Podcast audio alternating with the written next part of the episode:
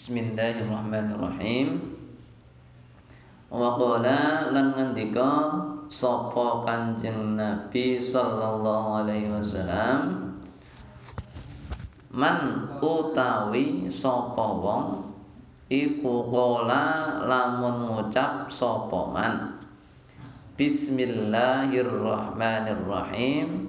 Ing kalimah Bismillahirrahmanirrahim marratan kelawan saambalan lam yaqqa mongko ora tetep min dzunubihi saking pira-pira dosane man apa dzarratun sak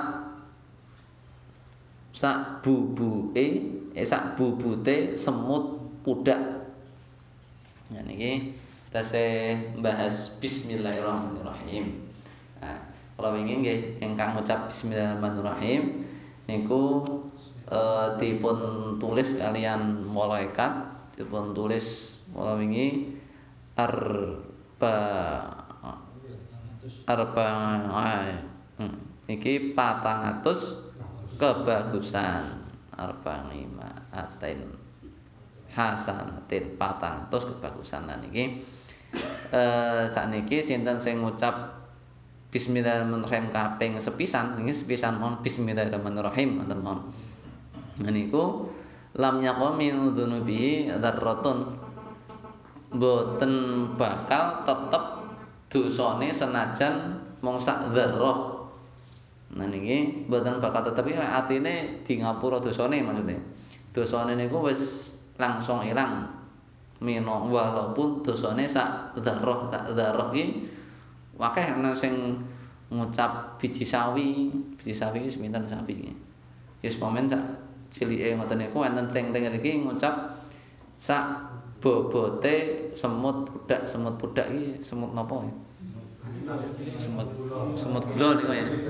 Nah niku sak cilike semut gula niku saking dosane sak cilike semut gula kuwi mboten nganti nemplek teng jenengan ngoten maksudnya lam ya baqa min dzunubi dzarratan dzarratun niku uh, dosa sing sak darah sing sak semut pudak sak semut cilik niku mau niku mboten bakal nemplek teng jenengan. Wis do luntur ora tetep ngoten do ilang kabeh. Artose nggih gampang gampile nggih di ngapunten dosa-dosane khususnya dosa-dosa sing alit. Sak alit-alite niku di ngapunten. Nggih sinten sing ngucap? Bismillahirrahmanirrahim. Sepisan nggih? Gambil to kalau wingi? Nggih sing pas nalika fadilah la ilaha illallah nggih nalika ngucap la ilaha illallah tingapunten dosane. Niki ngucap bismillahirrahmanirrahim nggih tingapunten dosane la ya. Gambil pados maghfirah Gusti Allah. Saking lumane Gusti Allah saking fadhole Gusti Allah saking uh, Gusti Allah ki le apian tenanan niku ya semenggur ngucap bismillahirrahmanirrahim niku wis pun di ngapunten dening Gusti Allah. Saking lomone Gusti Allah, saking soalnya teng mriki bismillahirrahmanirrahim niku nek menawi di maknane nggih kados riyen sing kita aturaken bismi niku wis bismillah niku sekolah nyebut asmane Gusti Allah. Dadi kita memang nyebut asmane Gusti Allah sing agung Ar-Rahmani niku sing maha welas asih, enten sing maknani welas asih ing dalem donya lan akhirat.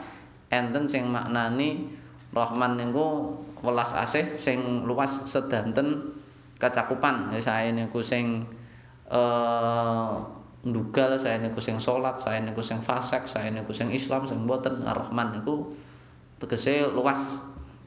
Jadi sedanten kecakupan welase Gusti Allah Ar-Rahim niku maknanipun sing uh, welas asih enten sing maknani ing dalam akhirat pula kok dadi nek teng donya niki ar-rahim tese tese dereng wonten. Minjing wonten akhirat menika minjing nembe nembe nek menawi ingkang Islam ingkang uh, dipun rahmati dening Gusti Allah ingkang dipun paringi keutamaan dening Gusti Allah nggih angsal sifat rahime Gusti Allah nggih menika rupa dipun ngapunten sedanten dosane minangka dipun lebetaken wonten swargane Gusti Allah. Niki nek mboten keranten uh, sifat uh, fadhole sifat keutamaan Gusti Allah nggih mboten. Soale nek menawi uh, katakanlah kita le benjing sing diandalke iki ngamale. Nek sing diandalke ngamale riyen nggih sale nanti enten cerios ngoten niku. Wonten akhirat menjing nalika dipun timbang iki memang wong memang soleh tenan. Memang ahli masjid, memang ahli ngaji, memang ahli ibadah, memang memang tenan. Niku terus lajeng kalih Gusti Allah benjing nalika wonten akhirat niku wonten yaumul hisab, hari menentuan dipun dangu dening Gusti Allah. Eh saiki sampean mlebu surga berdasarkan rahmatku, berdasarkan rahmanku, rahimku. Nah, terus kemudian kalau wong niku mau, wah iya mboten Gusti Allah. Kula iki mlebet surga iki berdasarkan ngamale kula lah. Kula le salat jenggang-jengking pendak dina selama 80 tahun iki ya yes le mlebet surga keranten niku saking cara dene membanggakan ibadah dhewe. Nah, terus kali Gusti Allah malah ya wis nek memang karena ngamale sampean sing 80 tahun, sampean tak nehne surga suwene 80 tahun. Sesuai dengan ngamale sampean. Sampean ngamal 80 tahun, tak nehne surga 80 tahun. Nah, dibales iki nggih mboten Gusti. Hmm, kula iki jarene teng surga niku sak lawase, sak lawas-lawase lawas mboten enten batese. Nah, jaremu saka ngamal nek ngamal ya 80 tahun nek rahmatku nek rahimku ya sak lawase oh nggih pun Gusti nek kula nek ngoten tak nganu niki mergo keutamaan jenengan mergo rahime panjenengan ora? Aku wis getun karo sampean neraka ngeten. Trios ngoten dadine Uh, saking Rahman Rahime Gusti Allah, saking gedene keutamaan Gusti Allah, niku kita mboten bakal selamat. Makane uh, kata bismillahirrahmanirrahim sing memang rahim niku wonten akhirat sing rahman niku wonten donya sak menika. Niku memang asli enten tenan ngoten. Mboten kok terus namung gawe-gawe utawa pripun? Kita mboten saged ngandalke amale kita tapi nggih nggih rahman kalih rahim Gusti Allah niki sing saged kita andalke. Ngocobi mau nek semisal kita ngandalke amal. Nek diitung-itung kadang-kadang kita ki akeh maca Qur'ane apa akeh maca liyane. Akeh le ngurusi gawean apa akeh le ibadah. Le salat mengkur sedina ping 5, tapi nek le kerja saka jam 7 tekan jam 3. Nek le maca nek dibanding-banding ngoten niku lak ngibadahi karo kerjane donya lak ya kathah donyane to.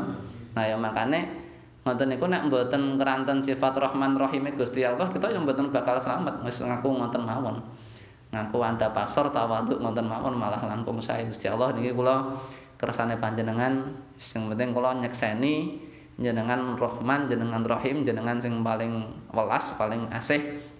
Saya niku teng donya saya niku teng akhirat sedanten jenengan sing wis paling paling saya ngoten malah langkung. Saya sing penting kita teng donya niku ngantun nekseni makane nek menawi uh, tiang sedo sing sae niku sedo syahid syahid niku artine nekseni menyaksikan. Makane nek sing memang uh, sedo syahid niku sing mastani sinten mawon uh, tiang Islam sing memang nekseni uh, memang la ilaha illallah Gusti Allah sing memang maha tunggal memang maha kuwaos maha rahman rahim kok sedo niku enten ulama sing mastani termasuk mati syahid keranten syahid niku artosipun nggih nekseni.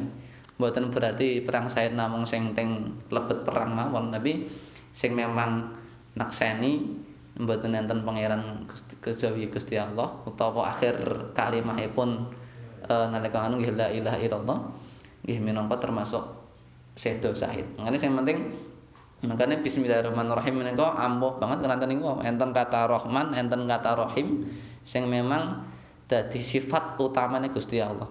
Niki nggih minangka ayat pertamane Al-Qur'an teng Al-Qur'an niku sing pertama lah ya bismillahirrahmanirrahim. Nah niki minangka ayat paling sing paling pertama kali cara dene pembuka wis cover ngarep niku nggih. Nggih bismillahirrahmanirrahim. Makane sedanten kok sing teng awal niku kita dipun sunahaken ajeng napa-napa niku maos bismillahirrahmanirrahim. Ben angsal Rahman kalih rahmate Gusti Allah. Angsal Rahman Rahim Gusti Allah. Terus sedanten napa kemawon menawi ingkang uh, kita lampahi niku sae nggih di pun bismillahirrahmanirrahim. Sing saya-saya mon mboten sing mboten saya misal arep maksiat kok bismillahirrahmanirrahim ya mboten mboten pas. Misal arep nyolong juko apa arep tanda tangan sing dokumen rada korupsi utawa arep apa nih bismillahirrahmanirrahim muga berkah korupsi kok berkah nyolong kok berkah ya ya mboten. Ya sing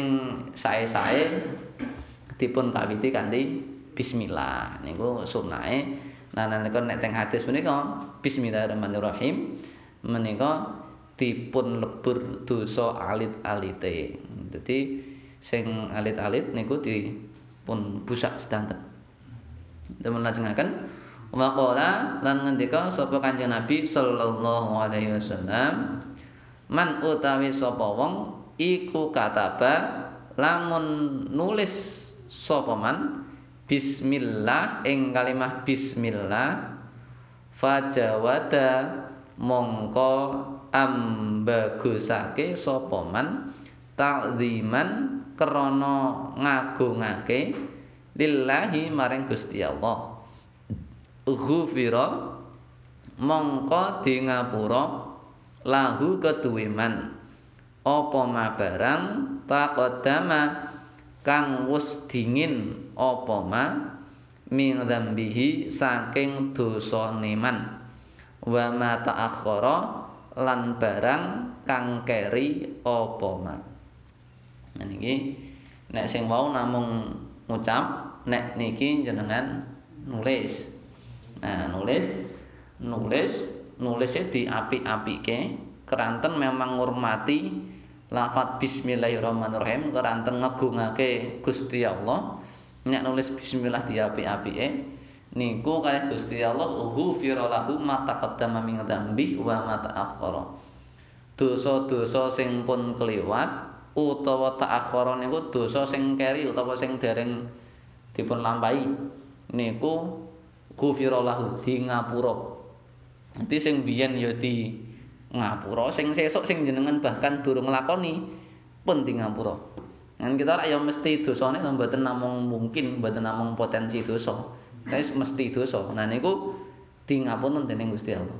Niku menawi nulis bismillahirrahmanirrahim kanthi eh takzim kanthi diapik-apike. Nah tapi nek niki ya nek sing memang dasare mboten saged nulis saya ya seperti nulis yang penting Wis niki monggo kula pun paling sae Gusti. Wis niku wis pun di, dianggap ngoten lah. Nek memang boten saged nulis kaligrafi, nek memang pun memang len nulis Arab pating pletot wis sak tulis-tulisan jenengan wis Gusti niki kula boten saged nulis niki pun paling apik minungguh kula Gusti.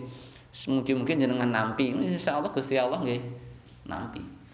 Hmm, niku nggih uh, standare standare niku nggih mboten enten standar sing paling apik iki ngeten mboten enten.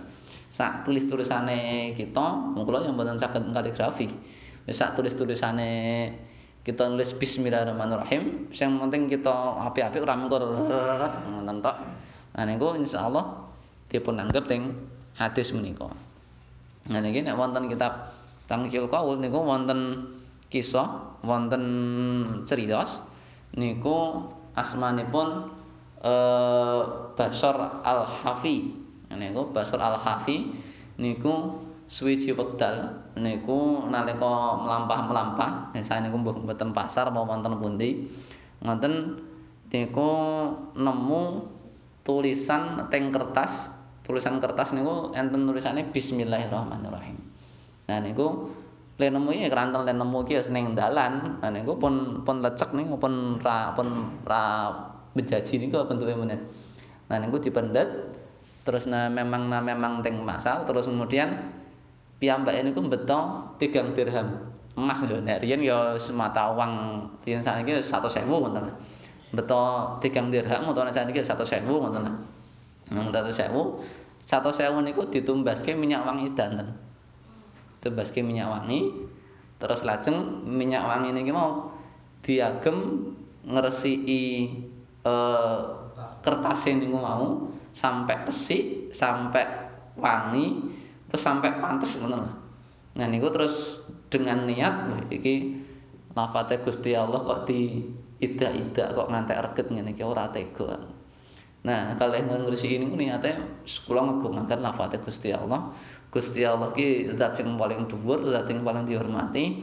Aku ya kudu ngurmati tulisan iki, kudu ngurmati lafat bismillahirrahmanirrahim. Nah, sa nah, nalika niku pun pun resik pun rampung pun wangi wis pun wis pun sae lah dados kertas ini. Nah niku eh piyambake Basar Al-Hafi niku nganu mireng enten swara swara-swara pangundang swara tanpa rupa ngoten guys. Sembah-sembah atas wis swarane kados pripun mboten ngertos. Nah swarane iki kirang langkunge ngeten iki. Ingsun bakal ngombar eh bakal ngambar arumake maksudnya iki di diharumkan namamu di dimasyhurake dimasyhurke diwangeke jeneng ira kaya dene sira wis ngurmati asma ingsun kanthi lenga wangi niku wis mbok menawi Gusti Allah iki ambak ingkang dawuh utawa para malaikat utawa pripun kita mboten ngertos tapi intine pun wonten suwanten-suwanten sing memang sampean namane sampean bakal tak gawe harum, bakal tak gawe mulya, bakal tak gawe apik keranten sampean kuwi wis ngapik-apik jenengku, jenenge Gusti Allah maksudnya. Pun ngapik-apik jenengku, pun ngurmati jenenge Gusti Allah, sampean bakal diharumkan, bakal di apik-apik. Ngene iku dadi sapa wonge mulyake asmane Gusti Allah, monggo Gusti Allah nggih insyaallah bakal njunjung bakal mulyake kita sedaya. Netese nggih pripun carane semisal panjenengan ngertos enten kertas nulis mboten saged tembaske minyak wangi barang paling mboten. Nggih paling mboten minimal nggih. Jenengan nek ngertos enten kertas utawa semisal uh, niki kertas ngeten niki roti berhadat niki nggih enten lafaz Gusti Allah utawa juz ama utawa yasin utawa punapa kemawon. Sing paling mboten jenengan ngertos nek teng enten lafate Gusti Allah, enten ayate Gusti Allah, enten bismillahirrahmanirrahim paling mboten minimal. Nggih paling mboten jenengan pendet suka keting mboten teng lantai minimal. Di parengke pupu utawa di cepeng utawa parengke meja utawa parengke nggen jendela utawa parengke nggen pundi ngoten paling mboten kita niat niki asmane Gusti Allah kita parengke teng panggenan sing langkung inggil nggih paling mboten uh, kita ngurmati lah kita niat ngurmati nggih. Mboten sak ndak jenengan paringi parfum sat-sat ngoten ya mboten sak ya mboten napa-napa tapi asing kok sami kalih niki ya monggo mawon. Tapi paling mboten sing penting minimal mboten sareng kalih lantai lah. Mboten sak lantai kareng sareng kalih sikil iki mboten. Sing penting wis kita niat ngurmati lafate Gusti Allah. Ya lafate Gusti Allah kados. Dipun saya niku nek teng mriki nggih? Bismillahirrahmanirrahim. Niku dipun hormati. Nek teng mriki malah namung lafat bismillah. Dadi jenengan nyanat bismillah mon boten ngantos arrahmanirrahim. Kanthi saya pun e, kelebet hadis menika. Jadi nek menawi badhe nulis napa-napa tapi nggih nganu di eh angen-angen ya Mbak. Maksudnya nek memang buku niki semisal jangan nulis dengan buku catatan atau buku harian nek memang buku niki uh, calonnya mboten diguang-guang utawa calonnya mboten teng lantai niku jenengan tulis bismillah saya tapi nek menawi buku niki memang buku nota atau buku amplop sing memang anu utawa buku catatan sing memang kok di parengke lantai sing anu dan niku nggih saene ampun di pun serat bismillah dadi nggih sing penting kita ngurmati lah lafate Gusti Allah. Mboten mboten terus kemudian kita mbaten ah iki pengkur sing roh aku tok Gusti. Nah, Gusti Allah ki ira sedaya e. Nah, jenengan ngrentek ngono iki mah. Tapi ora ana sing ira ya wis lah ora apa-apa tak nggih wae. Ngono niku Gusti Allah ki nggih pirsa e. Jenengan ngrentek mboten sang ngendika ki Gusti Allah ya pirsa wae nggih menawi sempet menawi saged menawi kersa nggih dihormati. Tapi nek menawi memang jenengan semisal nembe motoran banter atau mobilan banter kok ketoke rada ana nganu nek memang mboten mungkin yes jenenge wong pun mboten mungkin untuk di luar kendali niku wis pun mboten kenging hukum jane dene. Tapi nek memang tesih mungkin, tesih kuasa, tesih saged nggih e, pripun carane kita ngormati lafadzipun Gusti Allah. Nek menawa minangka kita mboten saged nyerat kiambak nggih bareng mboten tulisan sing pun enten niku dihormati. Minangka saged nyerat kiambak nggih langkung sae.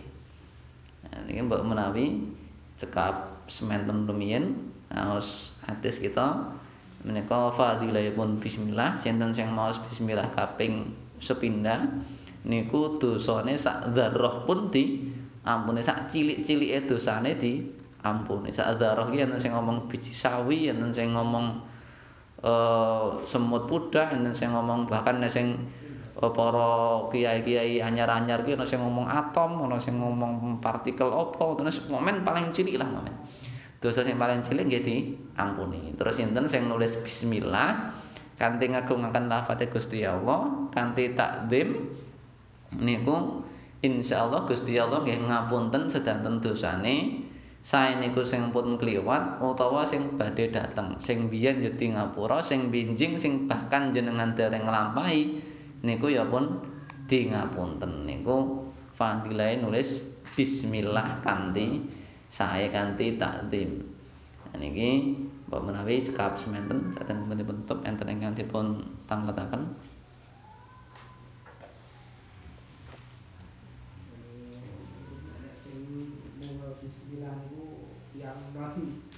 muslim ngoten yang tiru-tiru napa ya nek enak Pak Pak muni bismillah. Lah nggih, non madang nggih. Semelah mau bismillah.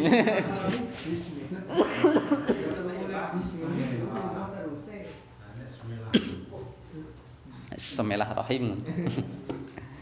Nggih, niku nek menawi tiyang non muslim niku nggih nggih cara nek angsal ganjaran apa mboten kula ya wis momen wis mbok menawi enten caratane iki ambak ngoten ya mboten ngatos. Tapi nek cara efek nganu nggih mboten sing enten sing enten nek semisal mau asyhadu alla ilaha illallah niku malah enten efeke malah tapi nek soalnya kadang-kadang iki lafat Arab teng Indonesia iki pun rada populer ya kadang-kadang alhamdulillah ngono ya wis ana sing ngomong wis alhamdulillah assalamualaikum barang ya apa kadang-kadang non barang ya terus jawab waalaikumsalam ngoten ya ya semoten niku wis ya dianggap sae semoten mawon. Anggere anggere piyambake mboten ngenyek mate bismillah ki mboten dingge ngenyek ngoten wis pun pun sae semoten tapi nek bismillah tinggo lah nggih kadang-kadang assalamualaikum atau kadang-kadang acara rapat atau napa ngoten sing buka assalamualaikum iki non nggih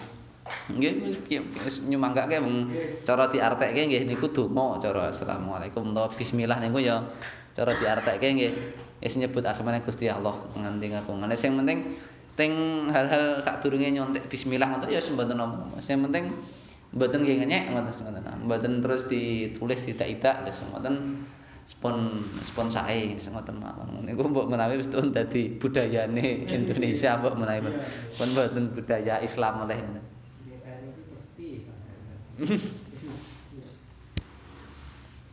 ya mboten napa-napa asal-asal mawon. Aku tau sonten nek tau krungu bisa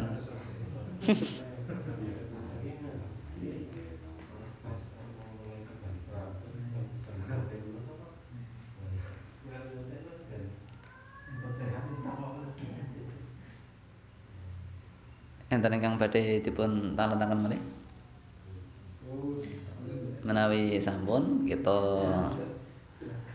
tutup rumiyin kanthi waosan hamdalah. Alhamdulillahirabbil alamin.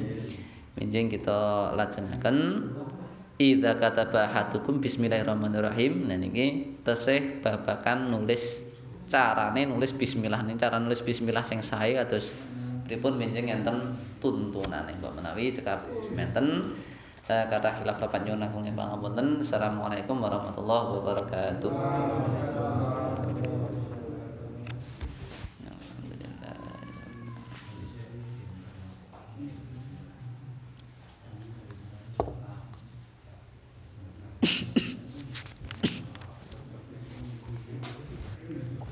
Yeah.